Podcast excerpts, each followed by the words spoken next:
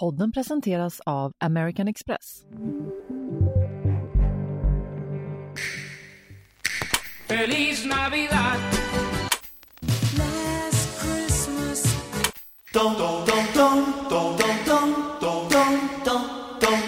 Nu har vi marinerats i julmusik i flera veckor och det är inte en slump. Varför vill alla, från Alice Cooper till Håkan Hellström, släppa jullåtar?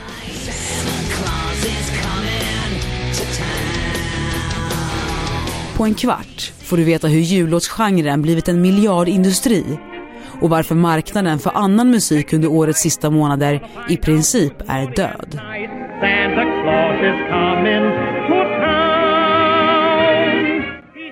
Det är torsdagen den 23 december och jag heter Fanny Härgestam.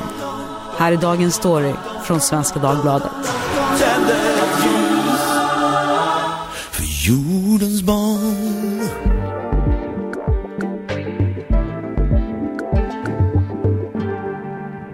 Joel Dahlberg, reporter på Näringsliv här på Svenska Dagbladet. Du är ju också musikfantast. Vilken är din eh, favoritjuldänga? It's beginning to look a lot like Christmas everywhere you go. Det var ju ditt eh, musikintresse som gav dig den här idén att göra en lista i tidningen med stora jullåtar. Eh, berätta om den här listan. Ja, alltså som ekonomijournalist så, så gillar man ju siffror, men man vill ju ha siffror som berättar någonting. Ta liksom aktiekurvan i Ericsson eller Apple. Skittrist liksom, det är bara massa streck, liksom, en graf och, och så massa siffror som ligger bakom. Men när man sätter sig in i det där så berättar ju de här aktiekurserna en, en berättelse. När Apple drar iväg så är det för att Jobs har lanserat eh, iPhone. Och samma sak är det ju med strömningsstatistik. Det berättar en berättelse om den här artisten, om den här låten. Och man kan jämföra olika genrer, vilka lyssnar man mest på? Och jag blev då fascinerad av att just ta reda på, okej, när det gäller vår julmusik, vilka är de mest populära? Det där var något som du satte dig med på Ja, fritiden. Ja, det tog lång tid alltså. Man kan ju hitta de fem mest spelade låtarna för en viss artist på Spotify och, och se hur mycket de spelas. Men man kan inte bara liksom knacka in, ja, men vilka är de mest spelade jullåtarna liksom, sen början på Spotify? Nej, det går inte. Det var väldigt mycket research faktiskt. Men till slut så fick jag fram en, en lista på 15 stycken. Men första Joel, alltså det här med jullåtar. Över 250 jullåtar har släppts i år av hyfsat heta artister. Ja, det Vad- finns ju en lista då, för 2021. Christmas Songs 2021. Just det. Den är 250 ungefär låtar lång. Vad säger det här om musikbranschen och om ekonomin kring jullåtar? Jullåtar är ju en helt egen genre. Man bara fascineras av livskraften i den här genren. Ta Whams Last Christmas till exempel. Den eh, råkade ju släppas 1984, samma år som Band Aids Do They Know It's Christmas. Och den gick rätt upp i toppen. Och Last Christmas hamnade tvåa. Tough luck. Men förra julen så når den nummer ett. 2020 alltså? 2020. Alltså vilken låt gör sånt? Ja men det är en jullåt. Det är helt fascinerande liksom att den här enorma kraften i julmusiken, att den liksom kan bli nummer ett 36 år efter att den släpptes. Det finns ett annat exempel också med José Feliciano, eller Ja, ja, han släppte ju Feliz Navidad, gjord av massor med artister, Céline Dion bland annat, 1970. och 2018, alltså nästan 50 år senare, så, så slog den sig in på topp 40-listan, den amerikanska. För, och det var hans första låt på topp 40-listan sedan 1968. Ja men det är helt fantastiskt, vilka stories liksom. Som gömmer sig bakom de här siffrorna.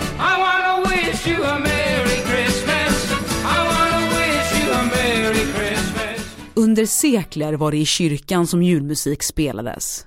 Men under tidigt 1900-tal började bland annat stora jazzartister som Benny Goodman göra tolkningar av sakrala sånger och även nya egna produktioner. Santa Claus is coming to town, framförd av Eddie Cantor, slog igenom stort vid mitten av 30-talet. He's making a list and checking it twice. Gonna find out who's naughty and nice. Santa Claus is coming to town. Åren därefter gjordes en rad jullåtar som kom att bli klassiker. Som White Christmas med Bing Crosby och Let It Snow med Frank Sinatra. since we've no place to go. Let it snow, let it snow, let it snow. Några av tidernas mest populära jullåtar skrevs senare i politisk anda. Som Happy Christmas, War is over av John Lennon och Yoko Ono i protest mot Vietnamkriget i början av 70-talet.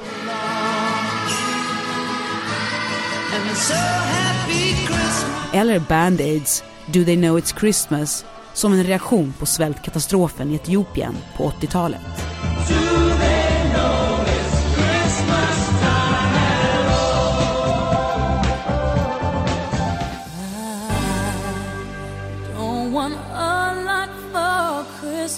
Men det var med smörsångsdrottningen Mariah Careys All I Want For Christmas från 94 som en julhit nådde en helt ny nivå av genomslag. Idag har den över en miljard lyssningar på Spotify och är den mest säljande jullåten genom tiderna av en kvinnlig artist. Endast slagen av Bing Crosbys White Christmas.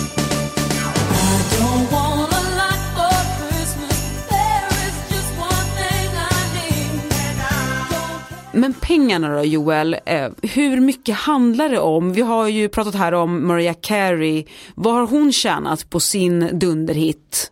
Om man bara utgår ifrån spelningarna på Spotify som nu i dagarna precis har liksom passerat en miljard spelningar.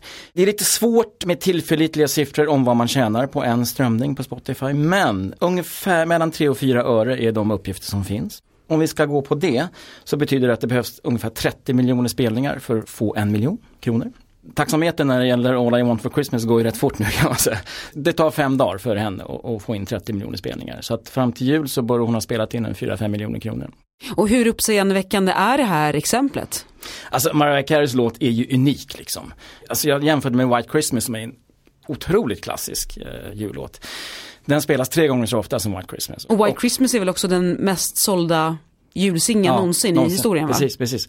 Faktiskt före Mariah Careys låt, eh, intressant. Men eh, Whams Last Christmas ligger inte så hemskt långt efter faktiskt. Det är också intressant om man tittar på de här båda låtarna, jag har jämfört statistik från i år då med förra året. Och avståndet till de andra ökar så att de här spelas liksom mer än alla andra klassiska jullåtar fortfarande. Innan man har lyssnat på All I Want For Christmas 30 gånger så är det liksom inte jul. Men du har ju också ett exempel på en annan jullåtsmiljonär. Ja, Michael Bublé, den kanadensiska sångaren, som väl har tagit arvet ifrån Frank Sinatra, Dean Martin och de andra, eh, Bing Crosby, när det gäller just lite jazziga jullåtar. Hans tre mest populära jullåtar har över en miljard strömningar på Spotify. Han kan ju leva på det här resten av livet. Och då plus göra några exklusiva julkonserter precis före jul och, och sälja jäkligt dyra biljetter. I'm dreaming of a white Christmas. Den svenska julmusiksgenren då, vilka är våra största hits genom tiderna? Dom, dom, dom, dom. Tänd ett ljus.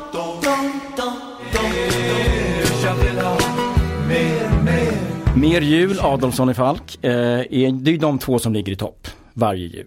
Och du har ju intervjuat Adolfsson och Falk som eh, ligger bakom Mer jul. Vad sa de? Ja, jag pratade med Anders Falk var det faktiskt. Han var ju helt fascinerad över den här utvecklingen. Den här låten var ju tänkt att spelas en enda gång.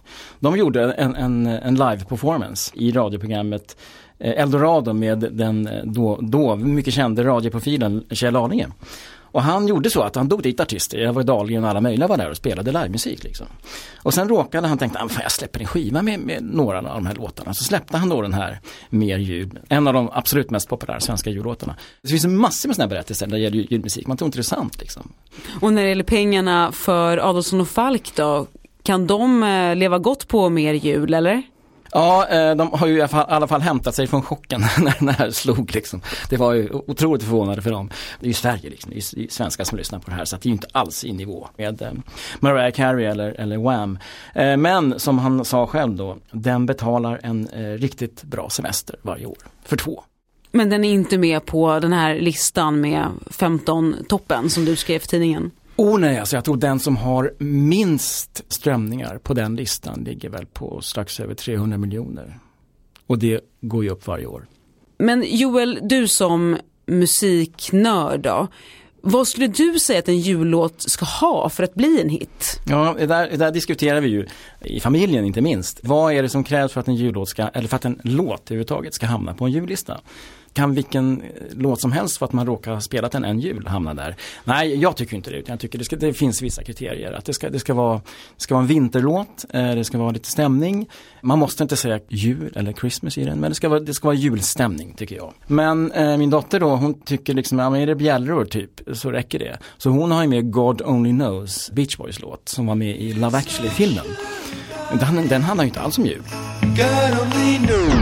Jag bara säger nej. Men apropå jullistor, jag vet att du har ju ringt en radiostation inför inspelningen av det här avsnittet. Den spelar bara julmusik Ja. från första advent. Varför då? Ja, det, här, det här är fascinerande, det är lite radiohistoria faktiskt. Plötsligt för, för tio år sedan, det här är Mix Megapol, bestämde de sig för att testa liksom.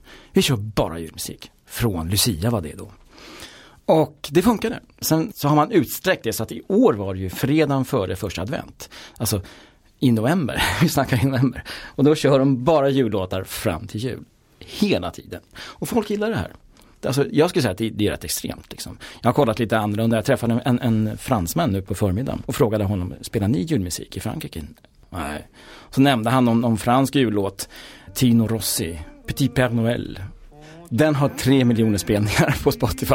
liksom. Så att nej, det verkar inte vara någon stor grej i Frankrike. Petit papa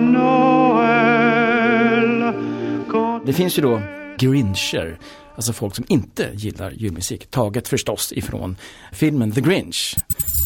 Hate, hate, hate, hate, hate, hate. Double hate. Den här varelsen som hatar julen. Så att de här människorna som hör av sig till radiostationerna då som spelar julmusik och säger måste ni hålla på med julmusik, de kallas för grincher. Men man bortsåg ju från dem och sen så kör man julmusik hela tiden. I Norge gör man inte det, jag kollade, nej det gör man inte utan det verkar vara ett svenskt fenomen. Men det kör- funkar bra för dem då? Alltså, de, de håller ju på fortfarande efter tio år så att det måste ju vara en hit. Jag tror att har man en gång börjat också så går, så går det inte att sluta. Att folk förväntar sig att, ja men Mix Megapol, eller vilken station det nu är, där kan jag höra julmusik. Men och visst är det så att ehm, skivbolagen inte gärna släpper vanliga låtar? Nej det är inte så, jag, I pra- slutet jag, har, jag har en, eh, en, eh, en släkting som jobbar som producent i Sverige och han sa att eh, det är inte smart att släppa en, en låt som man tror på precis för jul, som inte är en jullåt. För att i bruset så försvinner den. Ingen- Det är ingen slump att Björn Skifs precis har släppt en julskiva till exempel. Eh, första på tio år. Eh, och då vet man ju liksom, den blir spelad. Find out when Santa's back in town. Vilken status har julmusiken numera? Kan man vara en cool artist och ändå sjunga julsånger? Ja det där har ju varierat väldigt då. I den gamla jazzeran så var det ju uppenbart så. Man kunde släppa Frank Sinatra, Dean Martin och alla de där släppte ju jullåtar och julskivor, flera stycken. Och det gick ju bra, de var ju liksom väl etablerade artister. Och jag har ju liksom på min lista låtar från 40, 50, 80, 90, ja hela vägen upp. Men det saknas, ja eh, du har, jag tror Paul McCartneys eh, Wonderful Christmas Time är från 70-talet. Simply having a wonderful Christmas time. Men 60-talet, nej. Ingenting. Och man kan faktiskt förstå det. Alltså, eh, jag tror att till exempel Mick Jagger, han skulle väl hellre ha liksom gått i celibat än att ha låtit sig plåtas med en tomtemössa. Liksom. Det, var, det var ocoolt. Man gjorde inte det på 60-talet. Verkar det som. Nu är det ju verkligen superrätt. Och man kan sitta där med en tomtemössa på huvudet och du förstör inte din karriär. Ja, det, det är kanske lite grann som schlagerfestivalen. För 40 år sedan kunde det vara liksom, nej, det är inte bra för karriären. Nu så, gör, så, så ställer man ju upp liksom. Den musikproducent jag pratade med sa att det är lite coolt att vara snäll. Han nämnde Benjamin Ingrosso. Liksom uppenbart snäll image, liksom, framtoning. Och det funkar. Men avslutningsvis då Joel, alltså radiostationerna spelar mer julmusik än förut, redan från första advent. Mm. Men varför skulle du säga, om du spekulerar lite här nu då, vill vi lyssna på mer julmusik än förut? Eller Ja. är det så, är suget större i Sverige idag än förr? Alltså jag måste ju dra den slutsatsen. Den här fransmannen som sa det, han, han fattar ingenting. Liksom, vadå, han är ju julmusik på radion hela tiden. Och Mariah Carey, no, we don't listen to her. Så det verkar vara ett svenskt fenomen. Och kanske liksom också en parallell till schlagerfestivalen. Den är ju extrem i Sverige med alla de här finalerna, delfinalerna. Och liksom all den kraft och att folk faktiskt vill ha det här. Man vill ha mycket schlager. Det verkar som att det är samma sak med jullåtar, man vill ha mycket jullåtar. Jag lyssnar inte på jullåtar hela tiden måste jag erkänna. Men när familjen samlas, då kör vi våra respektive jullistor. Vi är stämningsknackare, man vill ha julstämning. Och det här kommer bara fortsätta. Du är ju med i Schibstedtskören. Ja. Ska inte ni släppa någon julskiva då? Eller? Ja, ja, ja, alltså, blir den sponsrad så ställer jag upp kan jag säga. Tack Joel Dahlberg för att du var med i Dagens Story. Tack ska du ha. Drömmer du om att resa bort? Med SAS Amex Classic får du just nu ett presentkort på 2 000 kronor till din nästa resa med SAS. Kortet är helt utan medlemsavgift. För att ta del av 2 000 kronor i presentkort behöver satta villkor uppfyllas. SAS Amex Classic har upp till 55 dagars räntefri kredit. Effektiva räntan är 18,10% vid utnyttjad kredit om 95 000 kronor per år. Den totala kostnaden är 110 021 kronor.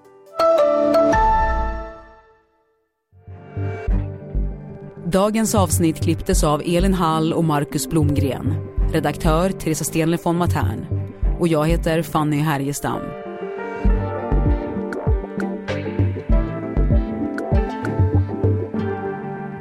Du har lyssnat på Dagens Story från Svenska Dagbladet.